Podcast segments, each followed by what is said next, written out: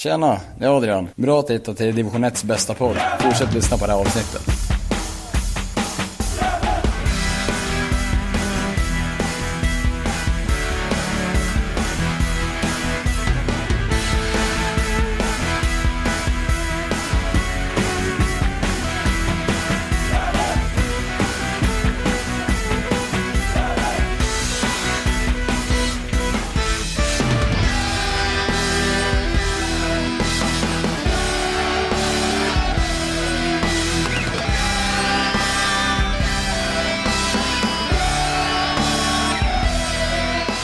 Det hälsar vi alla lyssnare varmt välkomna till Gävlepodden 232. Idag ska vi prata om Hudiksvall-Gävle. Eh, Denna oerhört eh, tråkiga match ur Gävles synvinkel. Vi kan se framåt mot den viktiga matchen mot Umeå på lördag på Galovallen. Och eh, så, men först och främst ska vi hälsa Johan, dels välkommen hit. Ja, man tackar så mycket. Hur är läget? Ja, det är väl, eh, det är väl hyfsat. Eh, börjar väl bli lite bekymrad nu. Jag vet inte, jag satt ju ganska lugn i båten här de första omgångarna men eh, den här matchen i fredags mot Hudiksvall den, den lämnade ju verkligen mycket att önska. Så att rent fotbollsmässigt och när det gäller supporterskapet så börjar man bli lite orolig för Gävle nu. Mm. Och så har vi en ny bekantskap i Gävlepodden. Och eh, vi tycker att det är roligt att bjuda in personer vi inte känner riktigt mycket sådär. Och då har jag sett på sociala medier och ja, också rent Strömvallen Fotboll, föreningen du var inblandad i, att du är en väldigt aktiv supporter. Lars eh, Mosell, varmt välkommen. Tack så mycket, tackar tackar.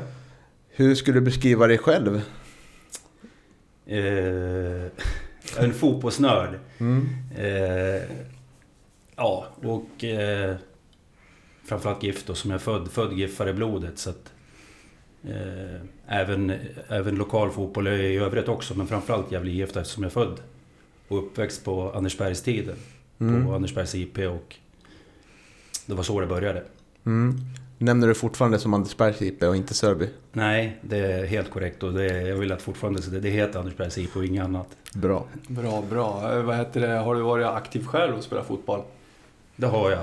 Men eh, jag hade väl inte den förmågan riktigt att komma hela vägen. Jag hade inte rätt tålamod men jag var väl uppe en del i alla fall och var uppe och tränade med A-laget lite grann då. Det här måste ju vara på mitten av 80-talet. Så vi hade ju en ganska bra kull som var 71 och med några 72 år. Bland annat eh, Micke Edvardsson som ni vet vem det är. Mm. Mm, Så han var väl den som kom längst i, i den kullen. Men vi var ett väldigt bra 71-lag men det var väl inte så många som kom långt på seniornivå. Men jag har varit med och tränat lite grann. Sen har jag varit lite lokala klubbar efter det då, runt här i Gästrikland då. Mm. Hur skulle du beskriva din relation som supporter till Gävle IF genom åren? Om man ser på Strömvallen exempelvis, vad, vad stod du där och, och härja? Ja, Ström, alltså Ström, det började ju på Strömvallen som bollkalle eh, på den tiden. Och då hade vi samma bollkalla typ under Magnus Hägerborns pappa som var involverad då i Gävle IF. Ehm, så att då hade man ju typ samma, eller vart, det vart samma folk som gick på och var bollkalla för det var, det var ju typ slagsmål om det att få gå på matcherna och vara sådär nära på kål, när man stod på kålstubben. Mm. Så att eh, så började det. Eh, Ja, så jag har följt dem typ, så Strömvallen är ju hemma för mig. Även om jag eh, absolut har förståelse och, och tycker att det är skönt med ny arena men jag eh, fortfarande säger hem om Strömvallen. Så, att, så, så började min... Ja, förutom Andersbergs IP som vi sa. Mm. Saknar du Strömvallen? Som hemmaplan? Ja, det gör jag faktiskt. Eh, nu är ju inte det en arena, det är en idrottsplats, men det hör lite ihop med Gävle IF faktiskt. Det, däremot förstår jag för, eh, för ekonomi och allting att man måste utveckla sig. Men om jag hade fått bestämma helt fritt så hade jag väl haft en arena fast där Strömvallen ligger. Om jag fick bestämma. Mm. Som det första förslaget Ja. låg ungefär. Ja, precis. Mm, ja, det hade ju varit med. önskvärt. Ja, jag håller också med om det. Jag tyckte de hade ett bra förslag på gång där när de eh, planerade att bygga läktarna i trä. Om jag vet inte om ni minns de planerna. Eh, det tyckte jag såg riktigt bra ut. Och så lite promenadstråk bakom och Mm. ner, ner mot vattnet där. Och det, det var fina Den här planer. bron över från ballongen va? Ja, exakt. på. Ja. Mm. Men var det första... Nej, för första delen var ju lite sådär vräkig har jag för mig med ihopbyggd med konserthus. Det var inte den du menade? Nej, det Nej. här var förslag två tror jag. Ja. Mm. Mm. För den kommer jag ihåg, den här som när det skulle vara typ lite skrytbygge ihop med konserthuset. Och det var jag väl inte så förtjust jag ville fort, Man ville ju fortfarande ha skärmen. Absolut. Ja, om vi kan komma in lite på det. Du var ju, eller är delaktig i föreningen som kallar sig Strömvallen Fotboll. Yes. Som, eh, ja, hur, hur började den resan? Ja, hur började den resan? Det var nog... eh, Jag vet att jag pratade med mm, Anders, Nord, Anders Nordén. var den första tror jag som började involvera mig och diskutera om det eh, på förbundet. Eh, och eh, vi diskuterade det och sen gick det där vidare och så vart det diskussioner med... Jag vet att Peter Henriksson och Bernt... Nej, eh, Kent Björk var inblandade och, och lite sådär. Och så gamla giffare som har suttit i styrelsen med Leif Lindberg och de är också inblandade. Så, så jag tror att det var Anders som tog kontakt med mig och började lyssna. Och sen har jag alltid varit nyfiken på vad som hände på Strömvallen. Mm. Så att, ja, av den anledningen. Och sen, sen bara rullar det på och eh, det är ju verkligen någonting jag brinner för. Och fortfarande och tycker att det är fantastiskt att den får leva. Mm. Mm. Va, hur, hur är planerna nu för det området? Eh, Ja, nu har vi skrivit en, en treårsplan, men det har gått ett år. Så nu har vi ett treårskontrakt med kommun på Strömvallen. Och ett år har gått av det treårsavtalet. Och det är ju en nyttjanderätt som det heter gentemot kommun. Så det innebär att Strömvallen Fotboll, då, som vi startar en förening för att få, få driva den här, så innebär det att det ska drivas som ungdomsfotboll, eller för ungdomsfotboll idag. Men den används ju även delvis av seniorer. Mm. Men så planen är, och nu har de ju faktiskt röstat, eh, inte gjort något speciellt nytt, men de har bytt eh, stammar, gjort ordning så man kan använda duschrum och grejer för det har ju varit förfallet allting. Så det har de gjort ordning nu och sen till sommaren ska de göra ordning. Fasaden gjorde de ju förut, utvändigt, och nu ska de göra läktarna inne, måla och göra ordning, fast det ska ju då göras ordning i gammal stil. Så att eh, det är det som ska göras i sommar, var det sista jag hörde. Så det känns som att Strömvallen som fotbollsanläggning kommer leva kvar en lång tid. Är det den känslan du har? Ja, det, det är ju jättesvårt. Eh, Men min känsla är nu i alla fall ifrån politikerhåll och ifrån kommun så ska det mycket till innan man... Men sen vet man ju aldrig. Men jag tror att det är lång tid så man kan sitta i båten. Det känner jag faktiskt. För att de, det är många som, politiker framförallt som brinner för, Mm. för, för eh, bevarandet av Strömvallen och den miljön. Men ehm, kommer det någon gång eller tillräckligt med pengar eller om det är boende så att det vet man. Men jag tror inte det blir någonting inom en 5-10 årsperiod. Det, det är svårt att tänka mig. Hur har det sett ut nu då under eh, pandemin här? Vet du, det? har det bedrivits någon, någon verksamhet och, och träningar där uppe på Strömvallen? Ja, det är, det är både skola och även klubbar. Alltså skolan, det glömde jag ju säga, så skolan använder ju den. Vissa skolor får ju också hyra in sig. Och även privatpersoner om man vill. Så att, men, så, den har ju använts nu, men sån här som på att man inte får duscha och använda omklädningsrummet såklart. Mm. Så det är ju stängt så, men det har ju ändå varit rust. Så att, eh, men man har ju nyttjat plan. Mm. Ja, men det låter ju kul. Jag vet ju att eh, Kent Björk han har ju försökt få med mig och Niklas på gå-fotboll här framöver. Så att, eh, Jag har spelat det. ja, ja, vi får, väl, vi får väl se till att ställa upp här. Då. Visa var skåpet ska stå. Ja, absolut. Det är otroligt taktisk sport, gå Ja. fotboll. Ja, härligt. Ja, det är det. ska Mycket bli taktiskt. roligt att prova på. Ja. Var det på lördagar va? Ja, det brukar vara det. Ja. Nej, jag, apropå Strömvallen så kommer jag ihåg när jag och Daniel Sundström då var ju där 2018 när det skulle skott, skottas planen. Och så var det hemmapremiär samtidigt. Ja, det var otroligt, otroligt fin dag tycker jag. Det var fint att vara en del av gemenskapen. Ja, det var, det var verkligen ett minne. Jag kommer så väl ihåg det också i detaljer, för det var verkligen ett hästjobb av många då. Och då var det många som ställde upp. Mm. Verkligen med det här... eh, Ja men företag, politiker, eh, sponsorer. Det var sån uppslutning. Och även privatpersoner och sådana som... Så det var fantastiskt att få vara... Jag kommer så väl, det var ju någon distriktsturnering vi gjorde ordning det för. Så det var precis på sekunden man sladdade av. Och sen var det en distriktsturnering mellan Gästrikland, Hälsingland och Dalarna tror jag det var. Med 02 eller vad det var, både flickor och killar. Jag blir osäker på det men... Så det var ju otroligt. Och när man väl hade sladdat mattan och fick se... Jag kom dit på morgonen då när det skulle börja. Då fick man ju de här känslorna som du sa. Att, Mm. och så, ja, alltså vilka minnen man fick då och sådär. Ja, man, ju- vi gjorde det tillsammans liksom. Skottarna i plan och allt grovarbete ni gjorde innan och sådär. Mm. Det var otroligt fint. Och man ska aldrig ta någonting för givet. Nej. Det, så är det. Det verkar ju som att eh, stans eh, företagare har ju ställt upp lite kring Strömvallen och sådär. För att jag vet att ni hade ju problem med att, att, att köpa in mål och sådär. Och då var det väl något företag som gick in och, och köpte mål. Absolut, det var ju många som ställde upp och jag menar mål, sånt där har man ju inte koll på. Men det var ju väldigt eh, dyrt med mål. Så vi fick låna lite först och sådär och sen, sen var det ju sponsor. Men det var, det, den äran ska jag framförallt ge till Anders Nordén som drog i de trådarna och hade koll. Men eh, som du säger, det var ju jättebra uppslutning bland företag och folk som ställde upp. Både med reklam och det var inget problem. Jag fixade ju också, vi hjälptes åt att fixa lite sponsorer. Och det var inget det var inga problem alls i princip att få. Mm. Häftigt. Ja, det var roligt. Så det är skönt att den får bevaras.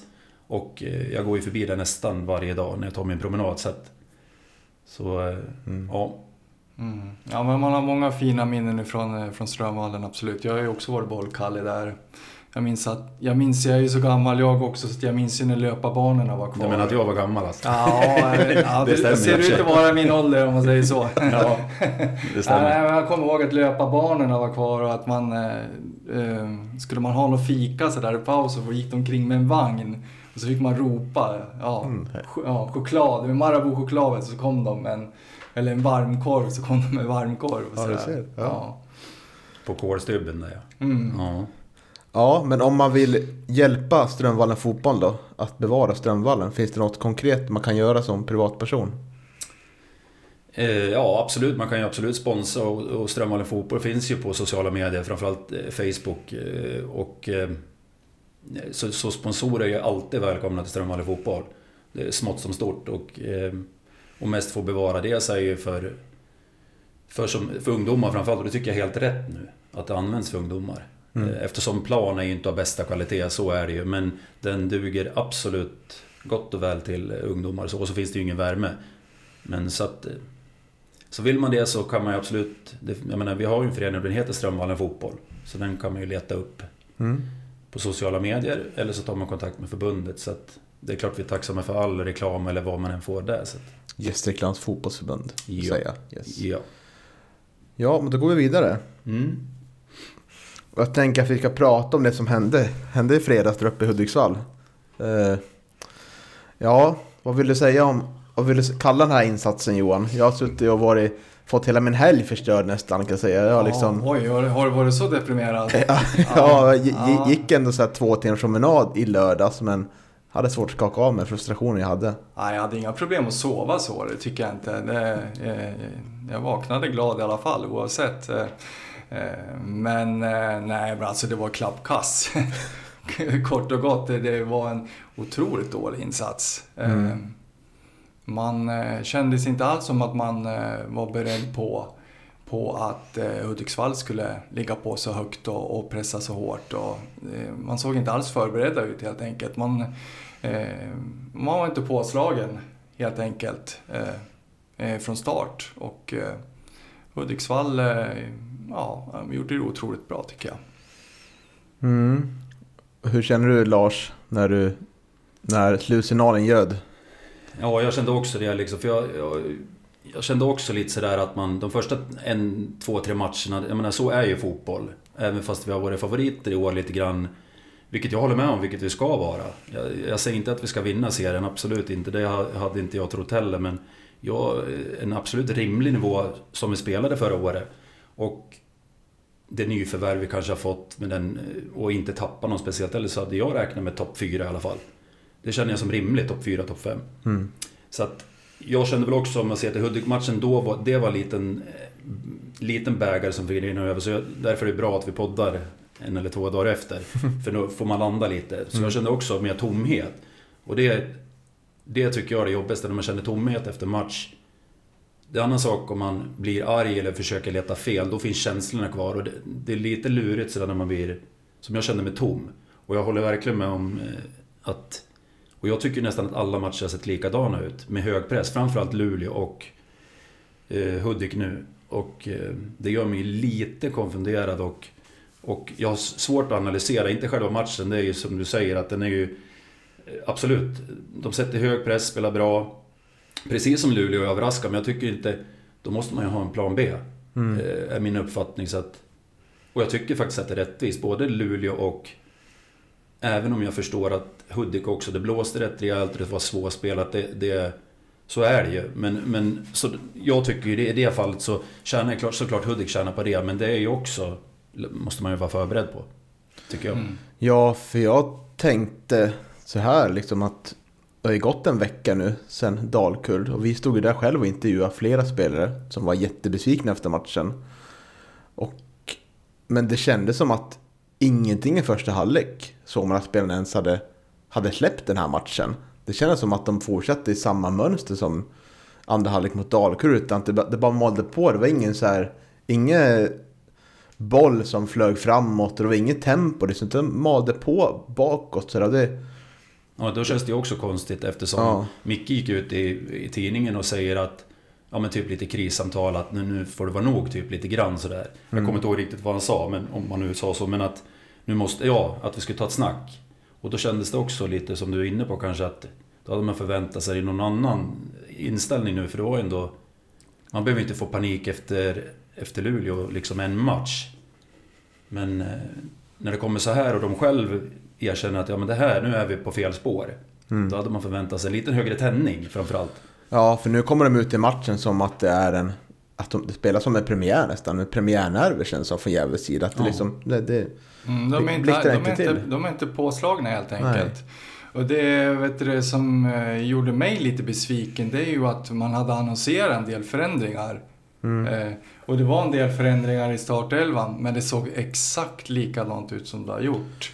Eh, mm, och Och- där... Ja. Ja, förlåt. Och eh, det är ju det att Micke, han eh, efterlyste ju att man, man kanske ska försöka ta sig tillbaka till de här grunderna man hade förra år, året då med, med possession-spel. Men jag tycker att det finns ett problem det där och det är att man har ingen spelfördelande central mittfältare. Nej, det är korrekt nu. Mm. Det, det håller Och det, det tycker jag ställer till det och jag tycker att det är ganska, blir ganska uppenbart i den här matchen mot Hudiksvall för att eh, nu hade man ju problem, stora problem att spela sig förbi Hudiksvalls första press stundtals. Men alltså någonting som jag satt och varit väldigt upprörd över det var ju när man väl tog sig förbi första pressen och den centrala mittfältaren får, får bollen. Det var Calabane och det var eh, Sebbe Sandlund i, i, i början där. Eh, när de får bollen och de har, det är flera meter till närmsta motståndare. De vänder inte upp. Då har de precis klarat sig förbi första pressen. Då spelar man tillbaks till Ja, backlinjen sidled. igen. Ja, och, och så börjar man om igen. Det, och det var någonting som jag satt och blev liksom lite upprörd över. Eh, Jag vet inte vad problemet är. Vågar man inte kanske vända upp då så att säga att man är rädd att bli av med bollen. Men då måste man ju ha medspelare som, som talar om för dem att det, att det, ja, men det är okej att vända om liksom. Nu är väl ingen av dem, som jag tycker, jag vet inte vad ni känner, men ingen av Calabano och Sandlund är ju kreatörer. De är bra på sina sätt och nu syns det också, så känner jag. Jag håller också med, det fattas. Jag tycker ändå Granat har varit okej i, i år på träningsmatcherna. Så jag har ju känt att det är kreatörer, nu var ju han borta. Men det är klart vi saknar EU för, och Calabane, när han, nu har inte han spelat på försäsongen. Och då blir, han behöver spela konstant för att vara bra med bollbehandling och när det blåser som det gjorde. Så är ju, det är ju inte alls Calabanes match så. Och Sandlund är ju ofta är ju en defensiv mittfältare och spelar ju sidled och bakåt. Vilket jag tycker att, för han har fotbollskunskap i mina ögon. Och har den skallen. Så för mig, jag, jag håller med. Jag tycker också att han borde kunna vara lite mer kreatör. Nu är det väl meningen att Granat ska vara den nya kreatören, vad jag fattar. Men, men när han är skadad så måste man i alla fall ha ett... Någon till. Mm. För jag tycker ni sätter spiken på mycket bra saker här. Men jag vill tillägga att jag tycker att det är nämnvärt dåligt att man klarar knappt av tre passningar på offensiv planhalva. Kommer man förbi en så lyckas man inte få fram bollen igen utan då ser de otroligt dåligt samspelt ut. Utan då slår man bort en passning och, och det tycker jag okej om det är första matchen. Vi har ändå haft en försång som har sett bättre ut ja, på, på bra länge. Sett till Sett till, sett till laget vi har och sett vilka vi möter på försången. Men nu ser det ju, det här är fjärde matchen, det ser fortfarande ut, man ser inte samspelt ut. Man hittar inte varandras spelmönster. Jag såg Umeå igår spela och där såg man att där fanns det spelmönster, de hittade varandra. Så jag tycker det, det, det är oroväckande att det inte finns det här samspelta laget än. Att det blir mycket kors och tvärs liksom. Man vet inte vad man har varandra. Förstående känner jag. Känner inte ni så? Att jag hade jättesvårt att hitta en analys direkt efter. Det har man ofta för det är känslomässigt styrd. Men mm. om man ser till alla fyra matcher och Hudik då. De här som har varit, även träningsmatchen till viss del. Nu var man, var man jättebra mot bra motstånd eh, i träningsmatcherna. Mm. Lite sämre, mot, sämre motstånd. Mm. Men det possession-spel som nu vi har haft liksom och, och, och som Micke har drivit på, som vi har gillat, kanske inte har varit effektiv jämt, men jag har ju inte sett en tillstymmelse av det. Ja, ja, det, det glimtar som du säger med passningsspel, det är en och två passningar och det har ju varit... Jag vet inte vilka kan slås i division 1, om man ser förra året, i possession. BP mm. kanske. Mm. Jag, jag kommer inte ihåg när vi... Sen kanske inte det är det effektivaste, men så har jag känt. Och då blir det svårare att analysera, att man vet inte liksom... Är det anfallet som inte fungerar? Är det mittfältet som inte fungerar? Mm, jag håller med, det är svåranalyserat. Eh, eh, det man ska kanske komma ihåg också att det är ju lite nytt i, om, man, om vi pratar backlinje så har, vi, har det ju varit lite rullians här i början och det har varit Kalle Banner bredvid KP och det har varit Kristoffer Eriksson och, det, och sen har Våfflan blivit skadad och som eh, två gånger om här. Mm. Först i, i genrepet innan, innan Luleå-matchen vart han väl skadad. Och sen eh, vart han skadad nu igen. Och då, då har KP fått spela med Salin istället.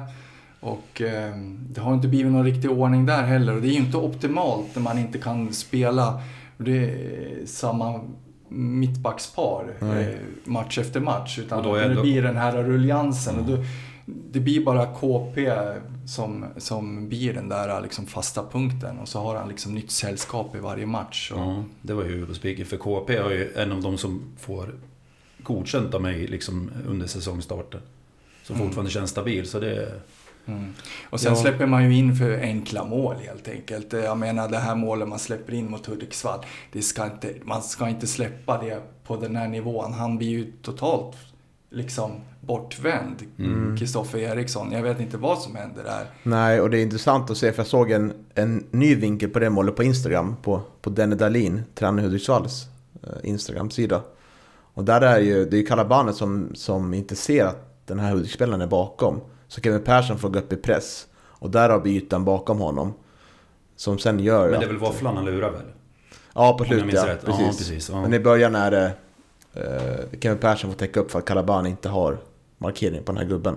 Mm. Som möter Benita bakom. Så det hänger ihop det där och håller med om Kalaban. Han, han är inte optimal som mittback för att han, ja, han gör lite klumpiga saker ibland. Han är resolut men han är ju bättre som mittfältare men han är ju sannoliken ingen kreatör i den rätta bemärkelsen utan passar nästan bättre i matcher mot bra lag på bortaplan. Där det får stångas mycket på mitten. Då passar han väldigt bra in. Men jag tycker på något sätt att det är, det är i mitten det, det fallerar lite tycker jag. För det är varken, vi har ingen offensiv eller central mittfältare nu som, som tar för sig och skapar chanser, driver med boll, hittar in ytor där i mitten. Och det gör att när vi väl kommer runt på kanten så får vi börja om igen och så går tempot ner, så får vi slå en lång boll. Så misslyckas vi med den för vi är inte tillräckligt bra. Så, och där har det blivit lite märkligt nu att vi släppte iväg Adrian Harnen som, som har sina brister och styrkor som fotbollsspelare, helt klart. Men nu när Oskar, Oskar Karlsson också var borta senast. Ja, och Granat... Vet vi varför eller? Nej, jag vet inte heller. Nej, jag har inte läst eller hört. Möjligt att det var någon, får hoppas att det var en liten lätt sjukdom. Ja. Men då står vi väldigt, väldigt tunn på den. Vi har liksom ingen spelare som kan ändra mönster och komma in där.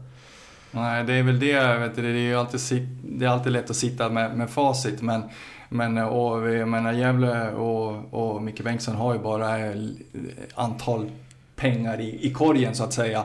Mm. Men så här med facit i hand så kanske det hade varit bättre att eh, lagt pengarna på Io Ranera då, istället för Kalle Bane. Eh, kan jag tycka.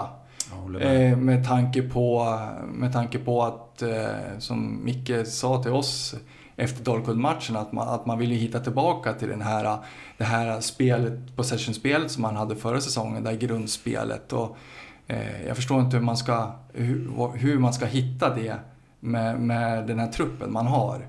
Eh, det är ju, och det är ju, ja, absolut, eh, Granat är ju en kreatör på, på sitt vis, men eh, är ju alldeles för, för skadebenägen.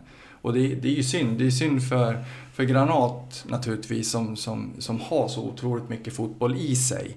Eh, men, men hämnas liksom hela tiden av, av eh, ja det är väl ljumskarna som, som krånglar mest verkar det som. Och då kommer vi tillbaka till det du sa förut också, eller vi sa om försvarsspelet. Att man får byta ut för mycket. Mm. Och då blir det lika där. När man inte kan bygga kring Granat. Skulle han få spela varje match och inte vara skadebenägen så... så och då är, tyck, tyckte jag han gjorde en dålig säsong förra året. Verkligen. Och skulle inte ha spelat en match nästan. Men, men jag tycker att han har visat att han är värd i år. Och så kommer skadorna. Att han är skadebenägen. Så det, ja, den är svår. Och då saknar man ju verkligen. Mm. Ja, Granat har ju betydligt större press på sig i år än förra året. Då han kunde klara sig en del i alla fall från att bli kritiserad för att Iraneri gjorde det så pass bra. Mm. På nästan samma position. Men eh, om vi kommer in på startelvan, han försökte ju förändra lite där. Spela med en trebackslinje och ett slags... 4-1-2 typ. 3-4-1-2 tyckte jag det såg ut som i alla fall. Ja, Eller 3-5-2. Ja, något sånt. Mm. Uh, men det, det hjälpte ju inte så mycket det heller. Och det jag tänkte på startelvan när jag såg den tyckte att det var... Jag funderar fortfarande på det efter matchen. Att, att Sutso som uh, har en väldigt bra höjd som spelare men som inte har spelat så mycket, så mycket fotboll ordinarie senaste tiden. Kommer in och tar en startplats här. Då hade jag hellre prioriterat att eh, ta in en som Axel Näsholm som har, har sin finess och snabbhet som spelare. och eh, tycker han visade mer i matchen mot Dalkurd än vad Sutsu gjorde när han kom in. Så jag tycker väl det, liksom, det var ett fel, fel val att starta med Sutsu istället för Näsholm exempelvis. Mm, sen fick ju Jutsu en otroligt svår resa den här matchen. Jag tror han var, han, han var väl lite, fick ju vara lite överallt ett tag. Jag tror han var väl eh, yttermittfältare och ytterback och allt möjligt där ett tag. Och mm. det, det är ju liksom inte heller optimalt. Jag menar, Ciuccio är ju i grunden en offensiv spelare. Är ju en, är ju en vet du, kille som ska liksom komma upp efter kanten och utmana och ta sig in i straffområdet. Jag tycker att eh, det, alltså det, slöseri. det är slöseri. Ja, precis, slöseri. Och, och, och, spela en defensiv roll liksom som ytterback. Det är ju... Ja, han vart ytterback efter en halvtimme ungefär då. Ja. Mm. Nej, jag håller med. Och det blir ju Sen klart, såklart måste han ju starta den matchen, få upp matchtempo och sådär. Eh. Ja, för det är väl ändå hugget så stucket. Jag tycker också att de där är ganska lika med Pontus. Mm. När är ung och då blir det ju oftast att man har sina toppar och dalar. Men, så jag tycker också att han har ju en väldigt hög högsta nivå. Pontus och, och, och så att de, de, är väl ganska jämna. Så jag, och Churchill gjorde ju en kanonsäsong förra året tycker jag. För de, vad man hade kanske förväntat sig. För jag hade inte några jättehöga förväntningar på han ändå. När liksom en, mm. Ja, det tycker jag också. Jag märkte att Pontus, som tycker jag ändå var en av de bättre i första halvlek mot Dalkurd, bänkades. Var lite förvånad. Nu kom han in ändå, men... Eh, ja, tycker jag var lite förvånande. Och eh, också lite förvånande att man valde att ställa upp med alla tre, tre anfallare här i den här matchen. Jag hade snarare sett Näsholm med Pontus, Pontus Jonsson utan bakom där. Eh, två strikers för att hitta en ytan här. Likt man avslutade matchen mot Dalkurd när Näsholm fick spela en slags offensiv mittfältare. Mm. Jag tror att den ytan är jätteviktig att hitta och det, det är även den svåraste ytan att hitta i fotboll. Men eh, eftersom vårt inlägg, inläggsspel är helt obefintligt mm. just nu. Det är liksom, når inte fram något farligt inlägg alls. Så mm. det, Nej, och det märkliga är ju också att när man väl hittar den där ytan, eh, då på något vis så letar sig bollen ner till egen backlinje igen och så börjar man bolla runt igen. Det är också, det är också liksom någonting som jag satt och och vet du, reta upp mig på. Och någonting som jag också liksom har anmärkt på tidigare, tidigare matcher. Det, det var, fanns tendenser den här matchen också. Det är ju att Isak Lidberg och eh, Leo Englund, de hamnar ju ute i hörnflaggorna. Eh, så att när, när det blir ett inlägg då, då, då är liksom Isak Lidberg på andra sidan eh, vid, vid hörnflaggan och det är knappt någon spelare inne, inne i boxen. Det... Nej, och det är ju, det, det håller jag med till hundra för det är ju ett generalfel. Och hur, hur en, då måste man styra, för, för jag, det är ju, den kritiken måste han kunna ta och den måste man kunna ge. För Isak Lidberg är en boxspelare. Punkt. Han är, ska definitivt inte ha någon boll på det viset att han ska byggas upp och det ska spelas kring. Utan det ska vara en boxspelare i min värld. Då har jag ju hellre uppspel på, på Leo. I min värld. Sen vet jag att Isak är stark men han ska ju han ska inte utmana en mot en. Han ska bara kunna vända eller vara i boxen. För det blir ju ofta som det var förra året. Nu tycker jag också att han har svävat iväg och är ute på kanterna och, och så sen ska han... Så det känns som att och så vill han göra allt själv. Och då, mm. då tappar vi och jag tycker, i min känsla, jag vet inte om ni håller med, att eh, då tar de bort också även Leo.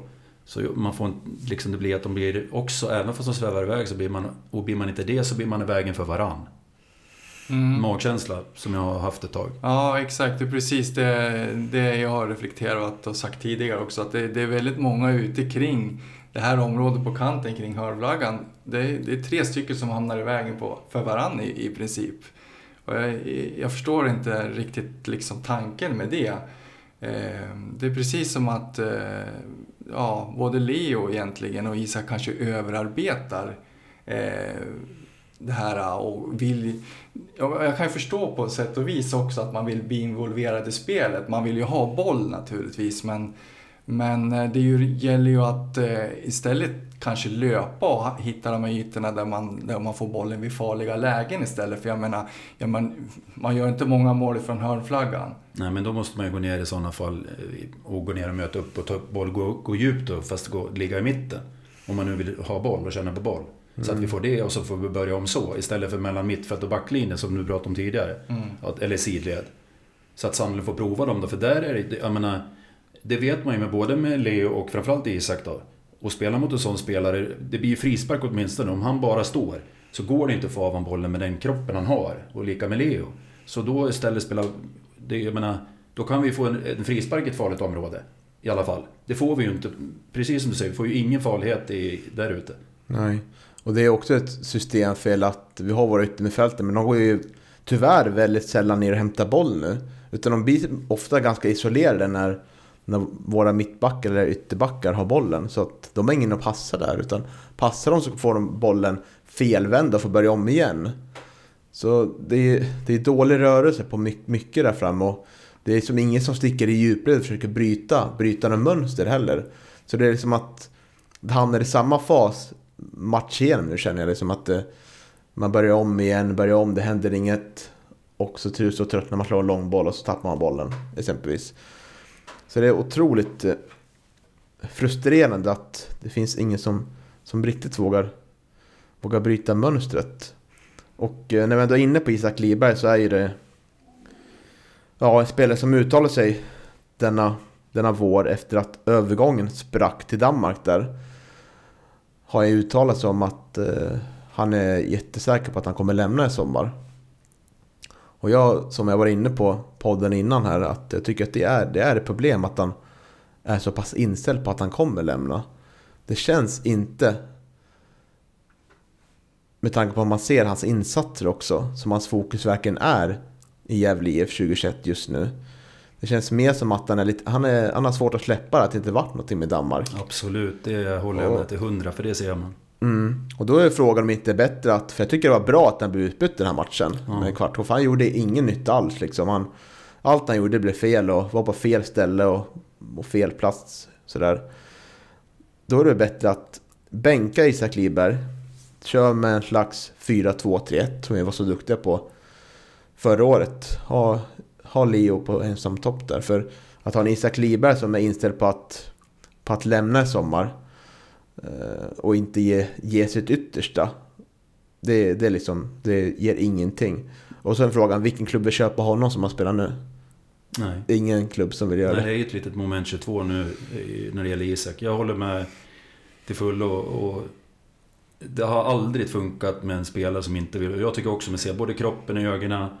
Allt talar för det att man inte vill vara i klubben. Och det är väl den enda som jag tänker mig inte heller Det är klart han gjorde sitt yttersta för GIF förra året, absolut. Men han vill ju bara vidare och det, har jag acceptans för. Men så länge man är i klubben och han ska vara den som är den mest professionella av allihopa. Som det lät förra året och på han själv. För att han vill vidare. Och det har jag respekt för att man säger det. Jag vill, nu har jag varit för mycket skadad, jag har haft problem. Nu vill jag komma till GIF och spela till en klubb lite lägre.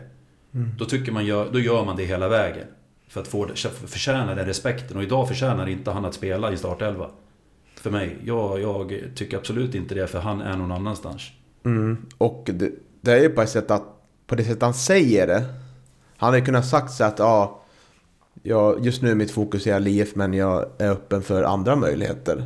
Då hade jag kunnat ta, då hade jag kunnat ta det. Visst, så där tänker de flesta liksom. Men på sättet han säger det blir väldigt Provocerande. Ja, provocerande. Och med tanke på att, det var en annan sak också om att om man hade presterat som man gjorde förra året och bara öst in mål och varit grym liksom. Men ja, nu, nu, är, nu är det bara frustrerande. Man, man blir liksom besviken och förbannad tycker jag.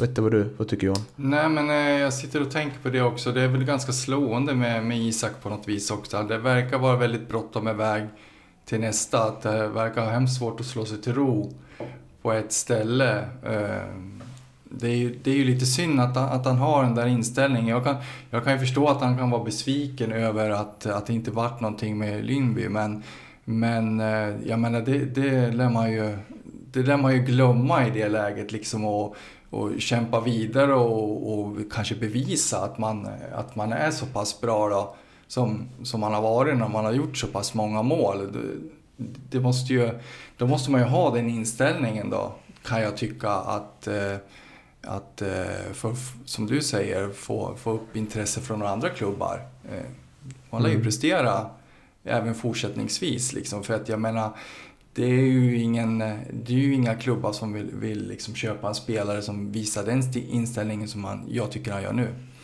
Nej, jag tycker att också klubben borde, borde prata med honom att, att det, är, det är inte bra utåt sett. Att, visst, du får känna så här, men utåt sett så är det inte bra att du går och säger så här att du du kommer lämna i sommar fast inget är klart.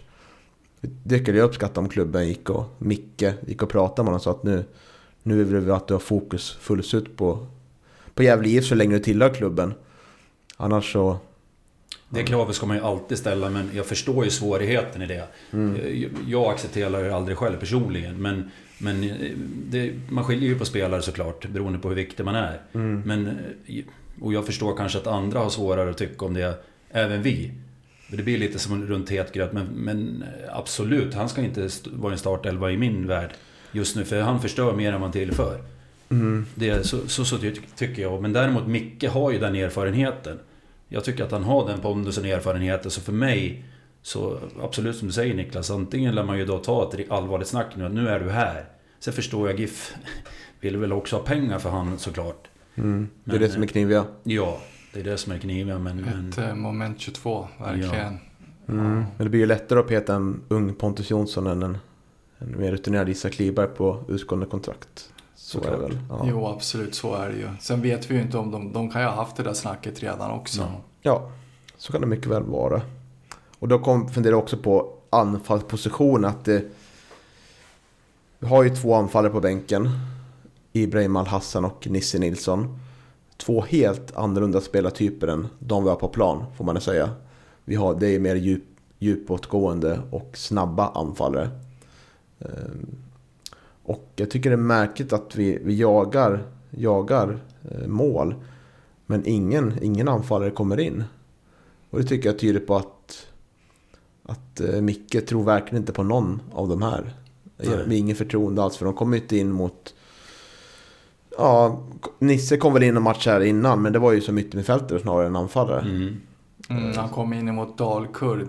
Jag tänkte säga det, både, både den här matchen mot, eh, mot Luleå hemma och, eh, och eh, den här andra halvleken mot Hudiksvall, den erbjöd ju kanske inte det kanske inte var ett, rätt läge att byta in eh, två snabba djupledslöpande forwards heller för att både Luleå och Hudiksvall backade ju hem och krympte ytor. Det fanns liksom inga, fanns inga uh, liksom ytor att springa djupled. Det fanns, inga, fanns inga möjligheter till det. Uh, så det, det, kan ju vara därför man inte ja, Micke väljer att inte byta in dem då. Ja, delvis tänker jag. Men det tänker jag också att vi är ju oftast ett, ett lag som vill ha boll till spelare stillastående oftast. Eh, med sådana här spelare som Nisse och Ibra så får vi ju spelare som gärna vill ha boll i rörelse. Om ni förstår vad jag menar. Mm.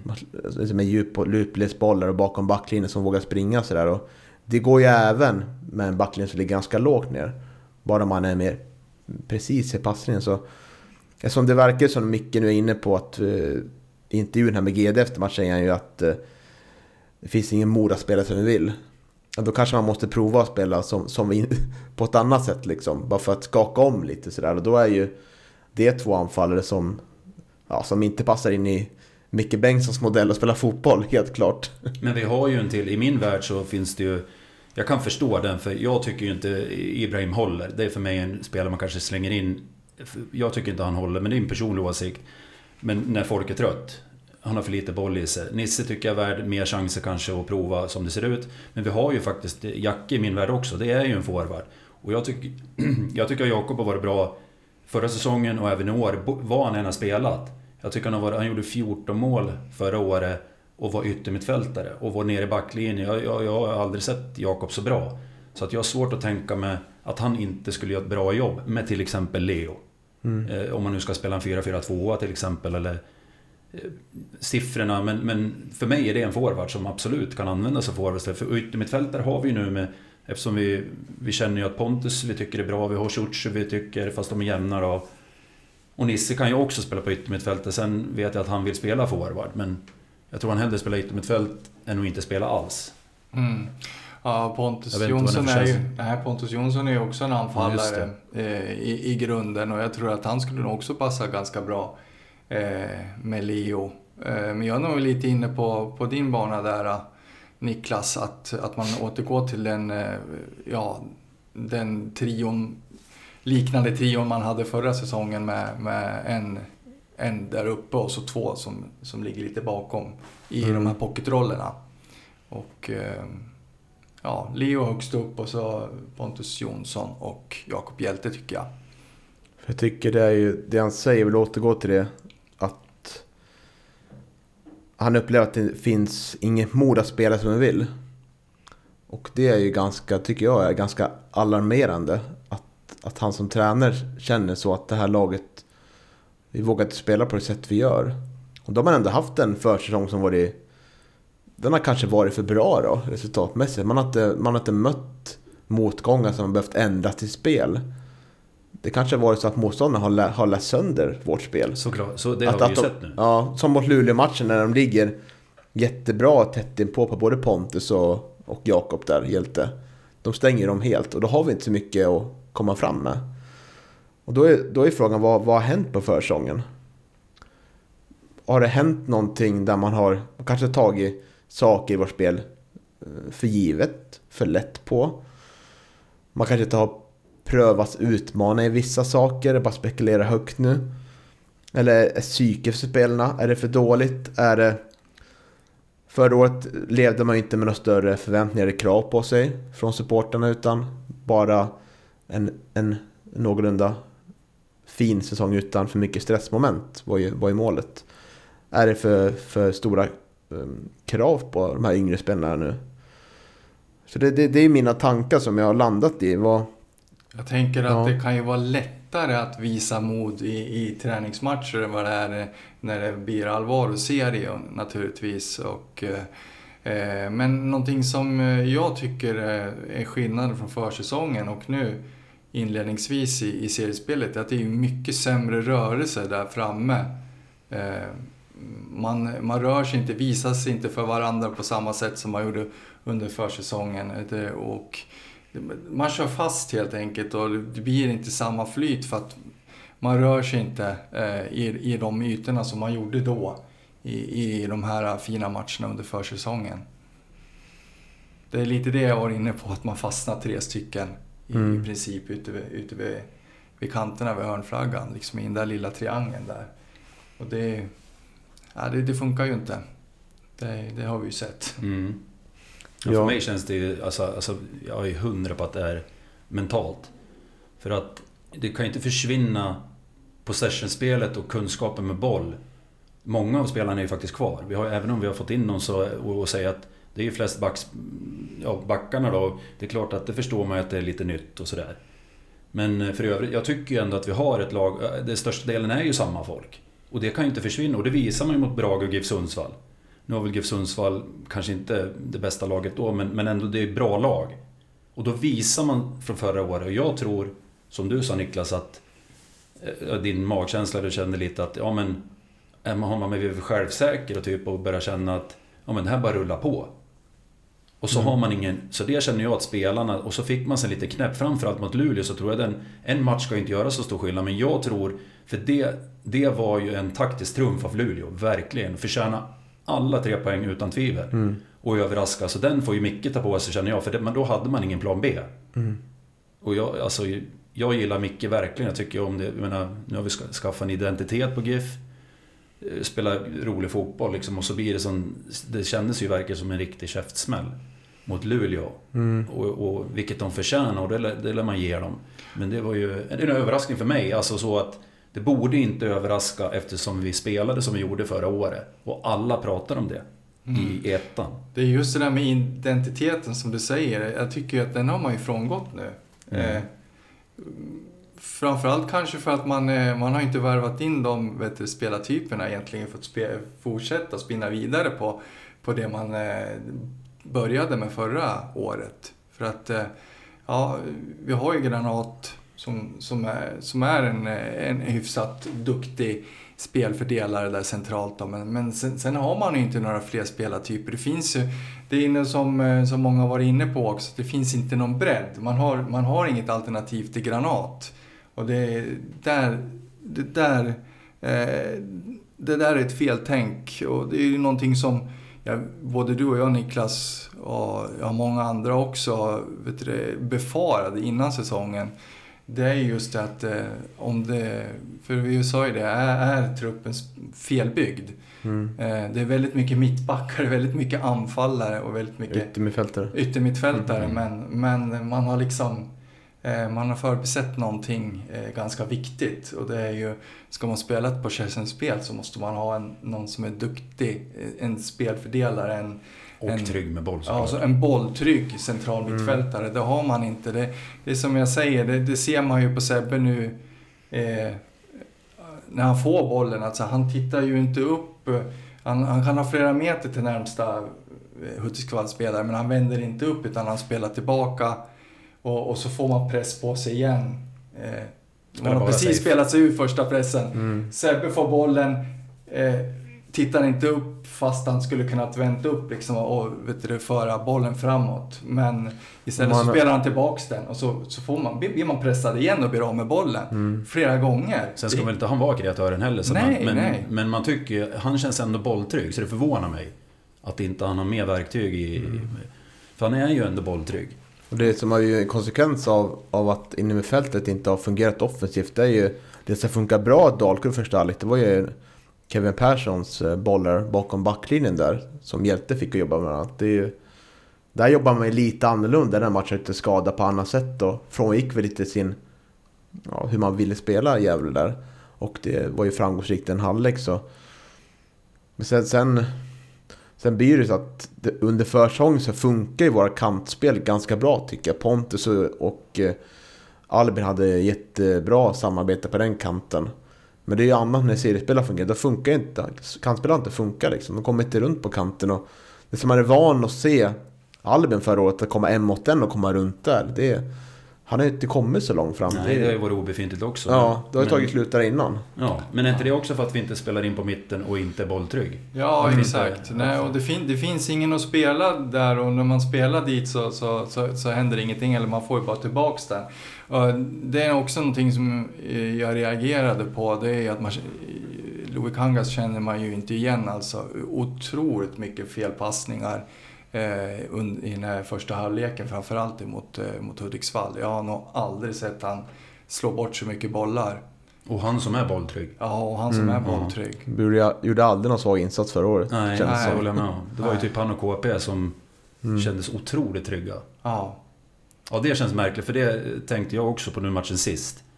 att eh, ja, men nu är det början av säsongen. Sen tänkte man, fan, alltså att Albin, det trodde man ju aldrig. Och nu känns det som att han är osäker på varje pass. Mm.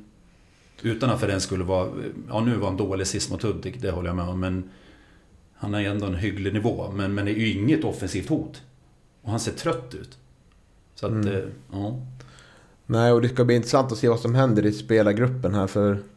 Eh, det hjälpte ju inte det som hände under förra veckan i spelargruppen när de pratade om och jobba med. Eh, så jag hoppas verkligen att man tar sig samman och inte går och tycker synd om sig själv utan nu verkligen jobbar professionellt att nu måste vi komma ur det tillsammans. Och jag tror väl inte... Fast man vill ju säga att ja, nu börjar vi spela snabbare fotboll och sådär. Det är väl inte vägen framåt egentligen för ett sånt spel tar ju längre tid att ställa om till att börja spela något snabb kontringsfotboll eller eh, något, helt andra med större risker utan jag tror väl på något sätt att man måste fortsätta jobba med, med sina principer som Micke har uttryckt att spela spela ett ja, possession-spel men man måste få upp ett snabbare tempo, liksom röra sig snabbare och skada motståndaren snabbare på ett sätt utan det får inte bli som det blivit nu att man man faller ner i en slags falsk säkerhet att det kommer öppna sig snart. Det är så, så intrycket jag får, utan för då går det otroligt eh, långsamt och då skadar vi ingen. Utan det måste liksom blixtra till lite ibland och måste röra sig, man måste vilja ha bollen liksom. Gå närmare, möt boll, vill, våga vill vinna bollen. Och skapa sig mod också.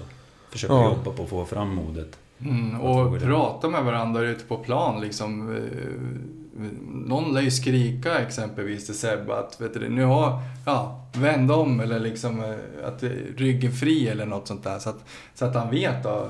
Eller, eller tvärtom, om, om, om de ligger nära rygg liksom, så att man talar om. För att jag tycker de är oerhört dåliga på det. Jag vet att, Mm. jag sa det i den här i Luleå-matchen också, att- eller var det mot Dalkurd tror jag det var. Jag sa det att vet du, man hör ju inte Tim heller.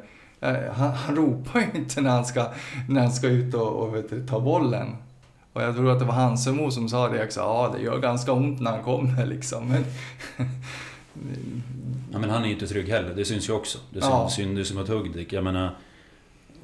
Har, Mar- har Markan också självförtroende så är jag då, skri, då är han dessutom framförallt arg. Och nu försöker han leta efter någonting som, en, som jag inte heller tycker att han...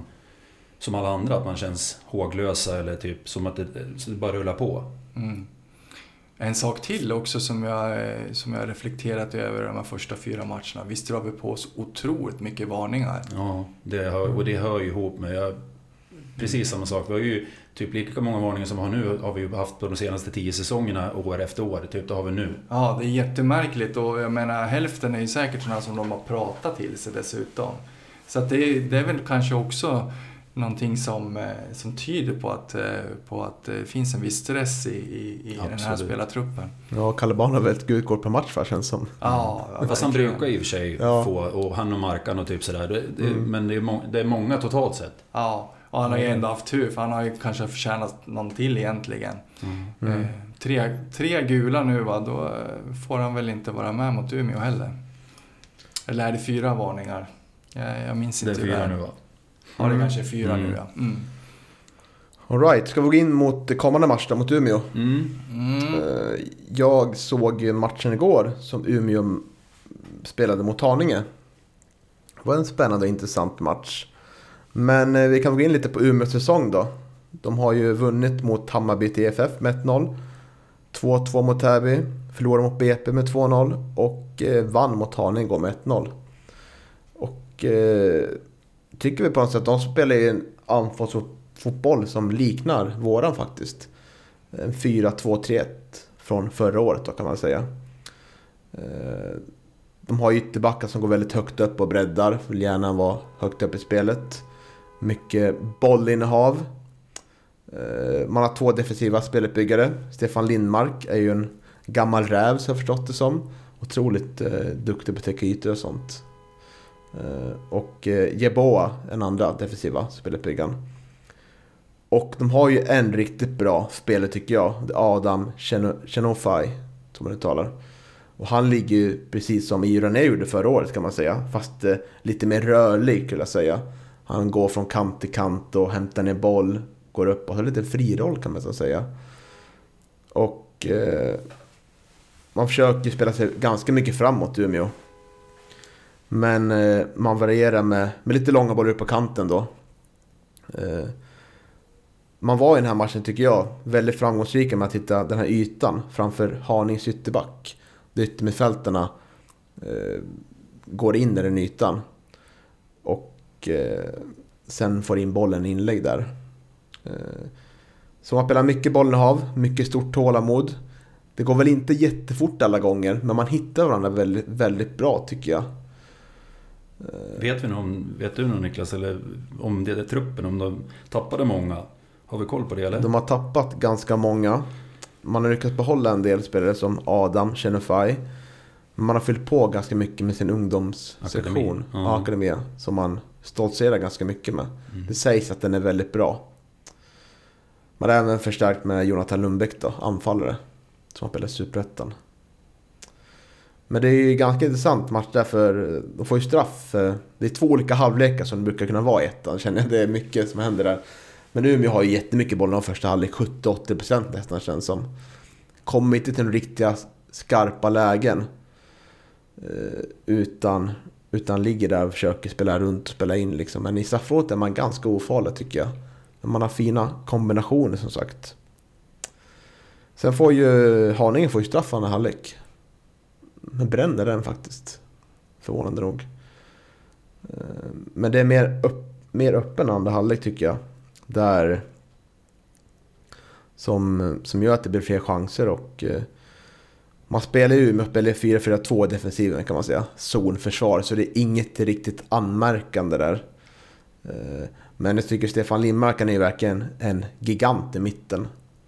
Eh, Det slog mig på direkt där. Han har till och med varit skadad. Jag vet inte om ni känner till honom så tidigare? Är det, var kom han från början? Sundsvall eller? Ja, mycket möjligt. Kan göra en live. Research? Ja, precis. Mm. Ja, man kan väl i alla fall notera att vet du, det är väl en ganska förväntad och en skaplig inledning av Umeå tycker jag. Jag menar, det är ju ingen, det är ju ingen, man behöver inte skämmas för att förlora mot BP det här, eh, den här säsongen. Liksom. BP som är så otro, ja, ser otroligt bra ut. Och, och Täby är alltid luriga som man fick 2-2 mot. Ja, de har ju både varit väldigt bra och startat väl bra. Om jag minns rätt. Precis. Han har spelat i, ursäkta det, spelat Dalkurd och eh, Brage bland annat. Okej. Yes. Nej men så han var otroligt duktig. Duktig mitten att stänga till bollar så. Där får vi passa oss tror jag.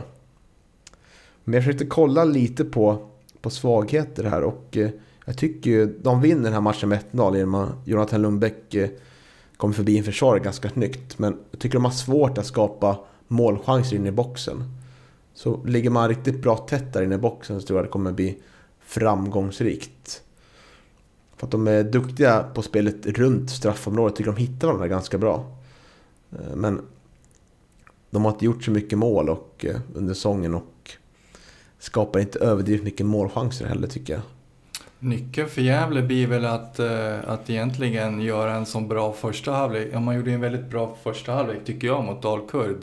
Eh, även försvarsmässigt. Och det är väl något liknande låter det som, som man måste göra mot U- Umeå då. Eh, fast man ska vara bra, bra i två halvlekar. Ja, eller så gör man tre mål första halvlek och sen Så man vet att andra halvlek ja, det, det kan ju också funka förvisso. stänger men- igen. Ja, nej men eh, önskvärt vore väl om man eh, spelade bra i 90 minuter. Det, det tycker jag börjar bli dags för nu.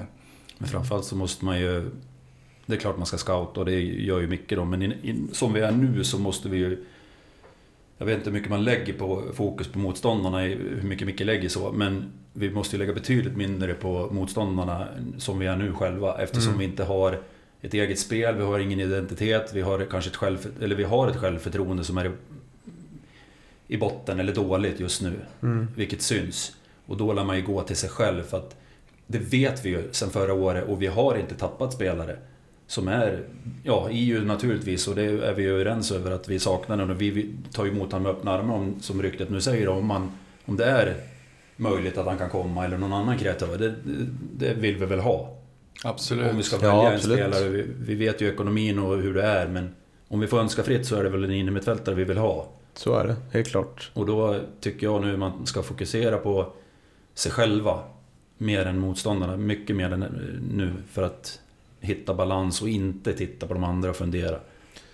Ja, för visst, det fungerar ju ganska bra defensivt strukturmässigt tycker jag. Det är ju bara att det är lite individuella misstag som gör att vi... Se på Luleå-matchen här, det blir en bolltapp på mitten som Hansemo blir, blir tvungen att fälla. Och det blir straff. Och eh, Dalkurd är väl, ja... Också ett bolltapp i mitten. Men vi måste, vi, vi måste ju ändå, jag vet inte vad ni känner, men jag känner att vi måste ju ändå ändra, vi måste ju ändra spelet. För nu är vi ju lättläst och vi, i ja, alla fyra matcher, i min värld så har ju motståndarna läst av oss. Det är ju så vi har, framförallt Luleå och Hudik. Sen Sollentuna kan man ju försvara sig lite med att eh, plan, det var gräs och dessutom var det också blåsigt och öppet. Så det förstår jag att Sollentuna tjänar på det fallet eftersom vi är konstgräs framförallt. Mm. Så... Ja, så känner jag. Jag vet inte, vad känner ni i det? Men... Ja, vi måste lägga fokus på vårt spel. Absolut. Och det som talar för oss mot Umeå, jag tycker ändå att Umeå är ett bra lag. Och på något sätt det vi sett på, på Galevallen senaste året sedan Micke kom så har vi ju lättare att spela bra fotboll hemmaplan mot bra passningslagen än lag mot eh, som Karlslund förra året som Mm. backar hem eller som Ja, Som Luleå Ja, precis. Mm. Så det som talar, talar för det. Och det verkar som att man har lättare liksom att ja, kanske tagga igång där. För första halvlek mot Dalkurd är liksom ett helt annat... Det är ju det bästa vi sett i LIF i år. Mm. Eh, Så det verkar vara lättare att man har taggat igång mot sådana här matcher. På något sätt. Eh, Där man liksom känner sig pressad att nu, nu måste vi göra någonting vettigt med bollen här för annars kommer motståndarna. Straffa oss. Ja. Mm. Men det, det- det jag menar med det var ju den höga pressen som alla sätter. Ja, som alla lag har satt nu. Liksom, Mm. som det är ju studerat och det visste man ju. Mm. Och jag köper att, okej att Micke blir överraskad första matchen eller spelarna. För att Luleå, ja men de slog vi med 5-0 nyss i träningsmatchen. Vi slog dem förra året också, om jag minns rätt, med typ 5-2 borta eller 5-1 eller vad var det? Ja, något sånt ja. Så stort resultat och Luleå låter inget speciellt. Så är min magkänsla och så blir man bara... Och sen är det för sent. Mm. Och liksom, ja, slå på brytaren och vända om. Mm. Då har man redan hunnit börja funderat. Hur tycker du man ska... Hur ska man möta Umeå? Ska man försöka spela samma typ av spel han spelat nu eller vill du ändra på något? Jag tycker som du säger, ja det är svårt. Men jag tycker som du säger att... Eh, jag tror ju också att det blir lättare mot bättre lag. Eh, för att den mentala biten är ju jättesvårt att knappa på knapp. Fotbollskunskapen är ju... Och jag skulle kunna tänka mig att nu är väl det också kanske lättläst och, och jag tror att det kommer komma av sig själv mot Umeå eftersom de anses kanske lite, är ett spelande lag och bättre så. Eh, och då får man även lite press på sig ändå. Nu vet man om det och då kommer kanske GIF klara det. Sen förstår jag självförtroende att det är ju botten eller är dåligt. Så att, men jag tycker man kan skifta lite. Jag vill inte heller byta identitet såklart, men man måste ju också vara effektiv. Även om vi tycker att det är kul, och, eller jag tycker personligen att det är roligt att titta på den fotboll vi spelade förra året. Men den är ju för oeffektiv generellt, så visst måste vi... Och det trodde jag man skulle utveckla till i år. Jag köpte ju förra året, som du sa Niklas, att vi har ingen press. Vi, mitten är bra. Och så, alltså att vi kommer i mitten någonstans 7, 8, 9. Och det är godkänt. Och så nu fick vi press på oss liksom. Så att jag tycker det är det vi ska utveckla. Och trodde att vi hade gjort det. Att okej, vi har en plan, B, plan B, plan C. Men det har ju inte jag sett någonting av. Nej, precis. Det är just... eh, Man är, det är ju det som är så intressant också efter, med, efter Dalkurd-matchen när vi pratar med Micke. Det är ju att, att han säger att ja, jag vill tillbaka till, till det grundspel som vi hade förra säsongen. Och eh, då känns det ju som att det, det fanns en idé kring frångå den lite grann det här året. Och det var väl det jag var inne på tidigare i programmet. Att man, man, man tvingades att att eh, göra lite annorlunda och spela lite annorlunda för att man, man fick inte in den där spelartypen som, som eh, Ranera var förra året. Eh, och eh, jag menar, för jag, jag tycker ju liksom inte, jag kan ju inte skönja något slags possession egentligen eh, de här fyra matcherna. Man kanske försöker men, men, men det, det finns ju liksom ingen trygghet. Eh, jag menar, det var väl ganska slående för, för Gävle ändå. Va? Det var ju många lag som satt press på Gävle förra året också, men då, då fanns, hade man verktyg att spela sig förbi den där pressen. Nu, nu, nu har man inte det. Nej, ja, Nej, och det det som är lite... Nu får ni rätta mig om jag har fel. Men vi spelar vi bara 4-4-2 under den här försången. Vi provade inget annat spelsystem va? Nej, inte vad jag kan minnas. Eh, Jo, det ska kanske. vara mot, mot Ska vara mot Hudiksvall då möjligtvis, för att eh, den såg inte jag. Men i övrigt så tror jag att man Var spelade det Hudiksvall? 4-4-2. Du förlorade med... Nej, vilka mötte du då? Assyriska? 3-4? Assyriska. 3-4. Ja, spelade vi annat spel då? Eller annan formation? Jag försöker tänka mig den, för den... Jag för mig att vi inte gjorde det. Nej, det kanske det vi kanske var någon match då. Men i alla fall så såg vi ju 2020 då, så att då provade vi lite mer annorlunda sådär. Och, eh, det kändes som att man var väldigt säker på eh, 4-4-2an, att det skulle fungera väldigt bra. Som det inte gjort nu, så man inte valde att prova en annan. Det kan ju straffa sig lite nu att man inte har någon annan uppställning i benen så att säga att träna med på. Kanske man måste börja om mer på grunden på träning där. Mm. Ja, så det återstår ju att se hur det blir med det. Ja, grunden blir väl egentligen, tycker jag, det är väl att man, och som blir viktigt emot Umeå, det är ju att man gör en, en ramstark och bra defensiv insats. Eh, då har man ju, då har man ju ändå chansen att, eh, att, eh, att vinna mot Umeå, tror jag. Det var det jag var inne på också, att man, man behöver göra två, två sådana halvlekar som man gjorde mot Dalkurd e, egentligen.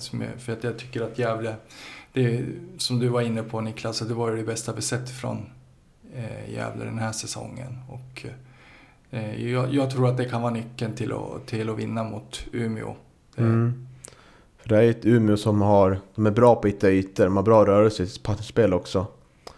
Eh, Så hur skulle ni, om ni får, om ni får leka Mikael Bengtsson, hur skulle ni ställa upp i det här laget? Och eh, ni får väl räkna med att Erik Granat är, är borta då. Eh, Så om ni vill leka med, med startelva, om du vill börja Johan, Oh, ja, och en uppställning. Fruktansvärt svårt Mm. faktiskt, måste jag säga. Eh, eh, jag skulle ju inte vilja ha Kalle Bane heller bredvid, bredvid vet du, KP i, som mittbacksparet. Jag skulle flytta in Salin i så fall. Mm. Eh, som har en bra uppspelsfot också ifrån den positionen som man skulle kunna nyttja då. Eh, kanske bättre än från när han spelar på en kant. Han är ju i grunden en mittback, som många andra i den här spelartruppen. Eh, eh, ja, jag vet inte om det blir stackars Nisse som får spela högerback då. Eh, och Louis Kangasley får vara kvar naturligtvis på vänstern då. Centrala mittfältet tycker jag är nästan det svåraste. Eh, Sebbe Sandlund är ju given som det ser ut nu. Eh, sen återstår det att se. Vi, vi var ju inne på det innan, innan Hudiksvallsmatchen att det skulle vara intressant att se Oskar bredvid Sebbe. Mm. Hur ställer du dig där? Jag tänker först på högerback kontra mittbackspositionen då, Lars. Ja, den... Theodor Hansemon, annat alternativ? tycker du? Nej, jag tycker att det, det- är för absolut en potential för framtid i GIF. Men i det här skedet när vi, när vi mår som vi gör så tycker jag, jag, jag håller helt med ditt förslag att jag är också inne på, det tänkte jag på tidigt också, för Linus har dessutom spelat kontinuerligt. Våfflan har ju varit skadad så det, det, det får man ha med att han har varit ute och in. Så jag förstår att, han, att det har blivit fladdrigt och inte att han känner sig trygg.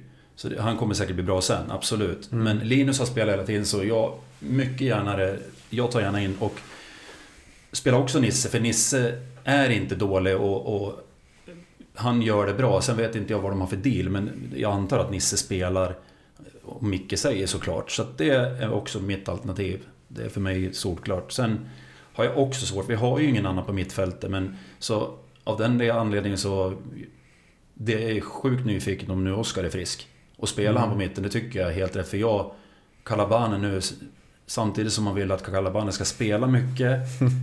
men nej, jag tycker också Oskar, om han är frisk. Vad det nu är. Ja, jag har inte kommit rätt in i den här säsongen. Det, det, det, det är liksom ett understatement, verkligen. Och som Ja. sagt, redan dragit på sig tre gula kort också. Och det säger ju en hel del. Eh, förlorar ju dessutom en närkamp mot den absolut kortaste spelaren på hela planen i, i matchen mot Sollentuna där. Ja. Eh, tappar ju honom totalt. Och, Och så är det. 1,70 lång och får nicka in liksom 1-0 där. Eh, nej, eh, jag, jag vet inte liksom vad som har hänt med Jaja. Eh, men det kanske avspeglar sig liksom på hur, hur hela gruppen mår. Eh, naturligtvis. Eh, har man inte en omgivning som, som spelar bra så kanske man inte är bra själv heller. Men, men, Men han är ju samtidigt en av de här äldre spelarna som ska visa vägen också. Och eh, eh nej, jag skulle nog vilja ha Jaja på, på bänken till att börja med. Mm. Mm. Spännande. Hur ser ni på där framme då? Hur vill ni ställa upp laget där? Ja, jag tycker ju absolut att Isak ska, Isak ska sitta på bänk. Eh, om inte de nu har haft ett... Jag vet att det rör ju om i gruppen. Det är ju också den känsligaste petningen eller diskussionen. Jag förstår ju oavsett vad de andra tycker och det är Micke som bestämmer. Oavsett vad vi känner. Så är ju den petningen, det är ju den enda som är... Är känslig GIF. Mm. Ja, den kan skapa på grund av hans... Dels hur han har gått ut själv nu. Och dels att jag inte tror att han har som de andra, den känslan för klubben. Man måste ju samtidigt göra det som är bäst för laget. Absolut. Och eh, är... Jag tycker Micke och Mehmet att det bästa för laget är att Isak ska sitta på bänken. Då tycker jag liksom att det är 100% rätt eh, och, och vet du, ta det beslutet. Eh, för det, det, ska bli, det ska vara intressant att se. Jag var inne på det tidigare. Leo högst upp då och sen Hjälte och eh. Jonsson, mm. Pontus mm. Jonsson i eh, eh pocketrollerna. Li, lite liknande som han spelade förra Men jag tycker det är intressant det lyfter där Lars, för att det är ju, man kan ju lyfta in att det är en gruppdynamik i den här truppen också som man måste ha beaktande. Hur, hur de har reagerat på de här matcherna, hur de reagerat tillsammans. Och, nu vet inte vi någonting vad som händer i spelargruppen så vi, vi spekulerar ju bara som, som man gör en del i podden. Men det kan ju vara att, eh, att eh, man inte är helt ensam saker där inne. Man behöver tala ut och eh, det är kanske är så att Isak Liberg har en väldigt... Det är, väl, det är väl den enda som du säger som har riktig stjärnstatus i GIF. Liksom. Han är otroligt fin säsong. Han har en, en pappa som är väldigt känd och han har ett förflutet i BP, Hammarby och sådär. Det har ingen annan i laget. Och det, det är ju liksom fina meriter. Och Mm. Samtidigt kan det man ju undra... väga in. Ja, förlåt. Uh, hur ser uh, övriga spelartruppen på att han har uttalat sig att mm, han har precis. tänkt sig, tänkt sig en flytt redan i sommar och vet du är det högt, hur funderar ja, övriga kring det? Liksom? Det är viktigt att det är högt i tak i omklädningsrummet, att man får att man inte går in och bär, bär på någonting. Och det tror inte jag på i GIF. Det är min magkänsla och de kanaler jag har, varför GIF var så bra förra året det var för att första gången på många, många år sen vi, sen vi var framgångsrika i Allsvenskan när vi hade spelare från, från ja, närliggande klubbar och från Gästrikland bara typ. Eh, så, så var ju det gruppen som var stark då. Plus att de var naturligtvis bra fotbollsspelare. Men de jag känner i mina kanaler och det man vet så var ju det att Ryktet säger ju att det var otroligt bra och det säger de flesta klubbar. Men det tror jag på förra året, helt övertygad. Eftersom vi inte hade någon superspets. Så när som på lite stjärnor som du sa mm. med Isak. Och det svåra är ju inte på kort sikt. I min värld, då är det jätteklart att han, om man inte tar ett allvarligt snack om Micke, för det tror inte jag han har gjort. För jag ser inte det på han, jag tror inte de, utan han har nog låtit att det kommer komma. Han förstår själv. Men så känner inte jag. Och, och, på kort sikt så känns det ett statement att våga ställa över han. Men vad händer med gruppen då? För det, det blir ändå lite oroligt. Mm. Och det var ju ett litet statement att, att han blev utbytt senast också. Mm. Kan man säga. För att det var det inte under tidigare matchen och nu låg man på liksom. Och... Ja, så vi får väl hoppas att, eh, att det blir ett annat Gävle IF mot Umeå. Eh, jag kan väl avsluta med att säga att jag såg en svaghet också i och med att de... Eh, Haninge lyfte mycket långa bollar och det hade de svårt med. Så Får se om det blir något mer, om vi blir mer lyckade på lite längre bollar den här matchen än vi har varit hittills. Men det kan vara en viktig aspekt att ta med tycker jag. Och har reaktion i alla fall. Ja, exakt. Mm. Och det, det, det är ju lite intressant också i den aspekten att, att man lyfte ju lite längre raka bollar mot Dalkurd och, och lyckades såra dem på det viset i, i första halvleken där. Det skulle vara intressant att kanske se om man, om man försöker sig på något liknande mot Umeå nästa, ja, nästa helg här nu Ja, lite orolig för Adam Chenefaj. Han var otroligt kvick och lurig. Så här, hitta ytor bra på olika sätt. Så här måste man verkligen ha, ha en gubbe på nästa. Eller markera ytan där han befinner sig för att då han blir befarlig. Absolut. Men den, den borde de ha scoutat så. Mm. Det, det tror jag absolut. Ja. ja, så det blir väl en otroligt ångestfylld match det här också. Ja, men vi är ju vana vid, vid ångestfyllda matcher så att det, det är ju ingenting nytt direkt för oss. Det, Nej, och vi får se hur känslan befinner sig. Vi är väl där på plats om vi får komma in och göra lite intervjuer sådär. ja, beror på om de har hört den här podden i förväg. Då Ja, vi mycket möjligt. Komma. Ja, Nu har vi haft två intervjuer med en deprimerad Pontus Jonsson i rad, så det, vi kanske ska byta spelare i så fall. ja, vi får nog göra det. Det var, ja, väldigt sällan, jag har inte intervjuat så många spelare i och för sig, men det är väldigt sällan jag hört en spelare så, så deprimerad som Pontus Jonsson efter matchen. Det är helt, helt, ja. Ja, jag har och jag håller med. Jag har sällan sett någon ta en förlust så hårt som, som Pontus faktiskt. Vilket är bra tror jag. det, är ju också bra naturligtvis. Mm. Ja, har vi något mer att säga? Nej, det har jag inte. Jag bara, jag bara hoppas att jag får fira en eh, seger eh, i, efter 90 minuter mot Umeå. Mm. Jag tror det är viktigt att vi tar en match i taget här nu. Mm. Och inte verkligen. våga sig fram mot fem omgångar till. Hur det kan tänkas ut då. Utan en Vi- match i taget. Och nu har vi som säger, nu har vi, nu har vi sågat idag och, och det är med all rätt, tycker jag. Eh, Mm. Eller sågat, eh, men kritiserat och det måste de kunna ta och, och på den här nivån. Ja. Ändå. Men jag, jag vill se en bra prestation framför allt. Att vi känner att man, att man kan förlora och det är ett bättre lag. I Mm. sådana fall. Sen är det ju för självförtroende för spelarna och för oss. Att slippa må dåligt så såklart hoppas man på tre poäng. Men jag vill åtminstone, för det är 26 omgångar kvar. Mm. Så att jag, in, jag känner ingen oro så. Vi, vi, vi kommer inte åka ur. Det, det, det kommer inte vara så. Däremot måste vi ju omvärdera såklart. Det känner jag. Det, det tycker jag, ja framförallt Micke då, och ledarsaben. Att omvärdera, för, för det, det tror jag, jag ska inte säga att tåget har gått, men det blir ju väldigt att man måste vinna typ varje match. Mm. Jag vet inte vad de, hur många de förlorade, de som låg i topp förra året. Kan det ha varit 5-6 matcher? Ja, De som var Typ två. så, va? Ja, Ja. och det, alltså det, det är ju inte rimligt att tänka sig så. Så därför som helt, helt korrekt Niklas, en match i taget och gör en bra prestation och känna att man i alla fall gör oss stolta och övriga.